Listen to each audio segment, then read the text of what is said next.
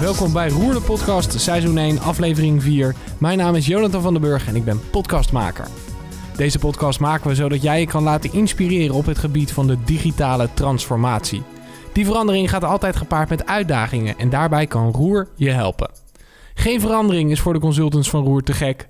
Een van die consultants is Joost de Bruin. Joost, hallo. Hallo, goedemiddag. Zometeen horen we graag uh, jouw les van het succes, Joost. Maar ik ben eerst benieuwd, voor de mensen die jou niet kennen, wie ben je, hoe lang werk je al bij Roer en wat doe je bij Roer? Ja, ik ben Joost de Bruin, ik kom uit Amstelveen en uh, daar woon ik met mijn vriendin. En uh, nou, ik zwem graag, dat doe ik het liefst elke ochtend en in het weekend ook nog wel eens op de racefiets. Verder ben ik bezig met de organisatie van roeiwedstrijden en dat soort dingen. Dat is allemaal hobby. En ja, bij Roer, ja, via via ben ik in contact gekomen met Michiel, hè, de directeur van Roer. Inspirator. Inspirator. Nee, dat klikt uiteindelijk heel goed. En ik dacht, nou, dat is wel een mooie uitdaging. Uh, wisselende opdrachten is heel wat anders dan uh, op één vaste plek zitten. Ik dacht, ik ben wel gewoon benieuwd hoe dat is. En uh, ja, zo ben, ik, zo ben ik er uiteindelijk eigenlijk aan begonnen. Dus, nou, Joost, ik kan me voorstellen dat in de IT... iedereen weet dat mensen in de IT ontzettend gewild zijn. Maar waarom kies je dan voor Roer? Um, Jij zou vast andere aanbiedingen gehad hebben. Ja, uh, ook. Ja, waarom kies je dan voor roer? Nou, kijk, ik, uh, zeg maar, de, de andere werkgevers waarmee ik heb gesproken, dat, dat was dan wel weer bij één werkgever vaste opdracht. En ook een opdracht die op een bepaalde manier voor mij comfortabel was. Hè? Dus waarvan ik weet dat, dat het iets is wat ik kan. Bij roer was het eigenlijk, voelde voor mij toch wat meer in het diepe. Dat ik dacht, ik weet eigenlijk helemaal niet precies wat voor een opdrachten er dan gaan komen, wat we dan eigenlijk gaan doen. Dus het was eigenlijk ook een beetje dat ik dacht, nou, ik, ik ga me gewoon een beetje laten verrassen door, uh, door wat er op mijn pad komt. En hoe is de verrassing tot nu toe? Geweldig. En wat doe je bij Roer? Nou, ik ben daar technisch consultant en uh, ja, in de breedste zin van het woord. Dus dat kan je ja, op heel veel verschillende manieren invullen. Dat kan bijvoorbeeld als uh, projectleider of architect of nou ja, iets, iets van die strekking. Um, maar goed, dat hangt net een beetje af van de opdracht. Maar het is het liefste ja, op de technische inhoud van de informatievoorzieningen.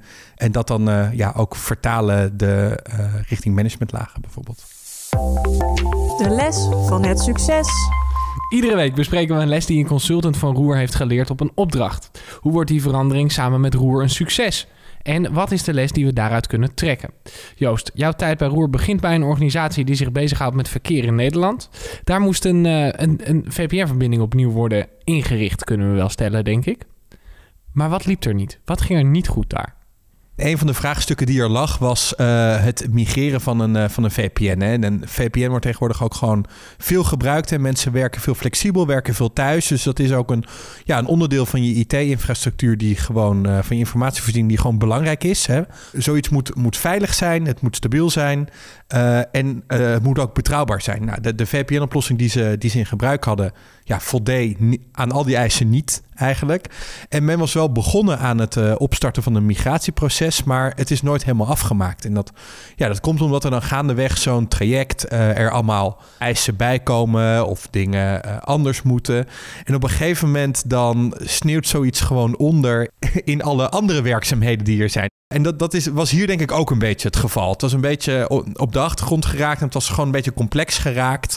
En uh, er moest eigenlijk even ja, een frisse wind uh, door, door het project. En, en dat is op mijn pad gekomen. Dus dat is eigenlijk hoe het bij mij terecht is gekomen. Want hoe reageert zo'n organisatie als jij dat stof van dat dossier aan het afhalen bent? Denken die dan, wat fijn dat je hiermee bezig bent? Of denken ze, ho ho, we waren hier toch even mee gestopt om een reden? Uh, nou, in dit geval waren ze eigenlijk wel blij dat er iets ging gebeuren. Uh, want ja, het lag al heel lang en iedereen voelde ook wel dat er langzaamaan ook wel wat meer druk op kwam dat het moest gaan gebeuren. Maar niemand wist echt meer waar te beginnen. En, en hoe haal je dan die dikke laag stof van dat dossier af? Hoe ga je dat doen? Nou, jij gaat natuurlijk eerst eens even kijken van wat is nou eigenlijk de, de vraag? Hè? Wat, wat moet er nou eigenlijk gebeuren? En waarom moet dat eigenlijk gebeuren? Want soms dan ben je bezig met een project en weet niemand meer waarom je het eigenlijk aan het doen bent. En is dat een hele goede vraag. Moeten we hier dan mee doorgaan? Bouwen we wel iets waar iemand op zit te wachten? Nou, hier was het heel duidelijk eigenlijk dat mensen hier wel op zaten te wachten. Ga het liefst gewoon praten met, met de engineers die de oplossing hebben neergezet. En, en het uiteindelijke werk ook moeten uitvoeren. Dan ga ik eens aan ze vragen. Goh, wat staat er nu? Uh, tot waar zijn jullie gekomen? En waar waar lopen jullie nou tegenaan? Waarom kunnen jullie niet verder? Nou, en daar krijg je dan gelijk ook heel goed zicht over uh, het, het, het hele uh, landschap. Hè, het hele landschap van informatievoorziening. En dan weet je, hé, hey, er zitten daar dus allemaal afhankelijkheden. En zo werk ik vaak langs de randen van de techniek naar de uh, juiste mensen toe die daar dan over gaan. En ik vind het zelf altijd heel fijn om op inhoud een gesprek te beginnen. En vervolgens ga ik dan eigenlijk met de mensen praten die meer beleidsvormend zijn. Hè? Dus die de, de randvoorwaarden hebben gesteld waaraan dat product moet voldoen. Ik wil zo snel mogelijk iets helder hebben. Uh, op de inhoud, op de structuur van wat, wat moeten we nou bereiken. En als je dat uiteindelijk uh, gedaan hebt, wat is de volgende stap als je het helder hebt? Nou, de volgende stap is altijd gaan vastleggen. Want dat zie je gewoon dat dat eigenlijk niet overal gebeurt. Uh, gewoon vastleggen met alle betrokkenen. Wat gaan we doen? Wat is het tijdspad? En uh, hoe faceren we iets? Want ik hou er altijd wel van om dingen uiteindelijk te gaan faceren. Hè? Dus naar ja, uh, korte blokjes van succes toe te werken. Hè? Laten we gewoon de eerste stap eens nemen en laten we een bepaalde handeling, een technische handeling, tot uitvoer brengen waar we tegenop zien. Als we dat blok hebben gehad, stappen we door naar het volgende blok. En dat is eigenlijk wat ik hier ook heb gedaan. Dus ik heb het eigenlijk uit elkaar getrokken in, in twee fasen, dit verhaal. En gezegd, oké, we gaan eerst uh, de, uh, uh, de VPN-oplossing doen... en daarna gaan we nog een stuk meervoudige authenticatie verder verbeteren. En door, door het zo te faseren, wordt ineens voor iedereen het plan ook weer duidelijk. Dat iedereen denkt: oké, ja, we gaan aan de ene kant het doel bereiken. Uh, om die VPN-oplossing uh, naar een hoger plan te trekken. We gaan aan de andere kant ook het doel bereiken dat we onze authenticatie uh, op, een, op een betere manier gaan doen. En dat dat dan even los van elkaar gebeurt, dat hoeft niet per se echt te zijn. Het kan juist ook eventjes het gevoel van voortgang en progressie geven. En ondertussen sta je ook niet stil, hè, want je, je bereikt ook met, met deelproducten ook weer succes. Ja, en ik, ik, ik hoor dit aan. Het klinkt allemaal redelijk succesvol. Maar de vraagstukken die jij voor je krijgt... ik kan me voorstellen dat een andere consultant... die vraagstukken ook succesvol kan oplossen. Maar waarom is het nou zo dat je een consultant van Roer moet bellen... voor deze vraagstukken? Nou, ik denk dat het daar vooral in zit... dat we bij Roer, zeg maar, verandermanagement... met een paplepel ingegoten uh, hebben gekregen. Hè? En dat je... Um, uh, een traject als dit ook een, een eenvoudige VPN-oplossing wel als een verandertraject moet, moet aanpakken. En laat ik zo zeggen, daar hebben wij gewoon veel ervaring in van het roer. Mijn collega's hebben er ook allemaal ervaring in.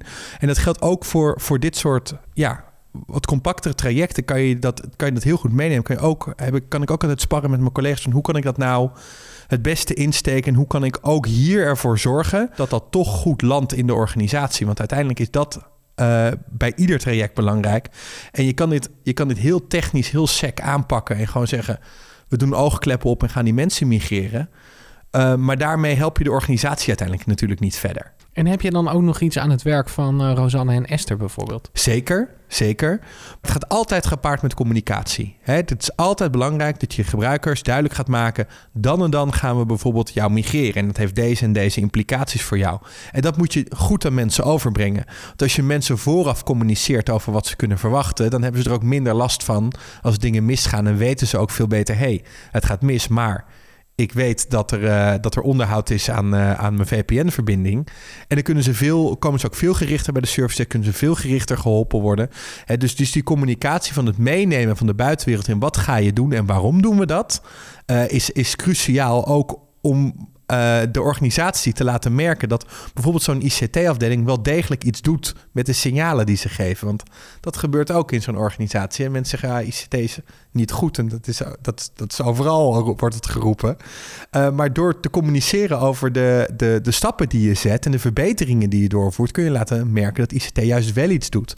En daar kunnen Rosanne en Esther bijvoorbeeld heel erg goed bij helpen om dat soort dingen ook goed over het voetlicht te brengen. En ik denk dat, dat juist als je dat stuk communicatie er goed bij pakt en iedereen meeneemt in het verhaal, je ook een oplossing neerzet die uiteindelijk duurzaam is. Uh, waar, en waar je meer uit hebt gehaald in het hele traject, ook samenwerking mensen onderling, uh, dan als je dat uh, op een hele reguliere manier zou oplossen. Joost, dankjewel. Volgende week een nieuwe aflevering en dan met communicatieadviseur van Roer Esther Bosveld van Tour. Wil je meer weten over hoe je Roer kan inzetten voor de verandering van jouw organisatie? Kijk dan op onze website www.roer.nl en schroom vooral niet om even contact op te nemen.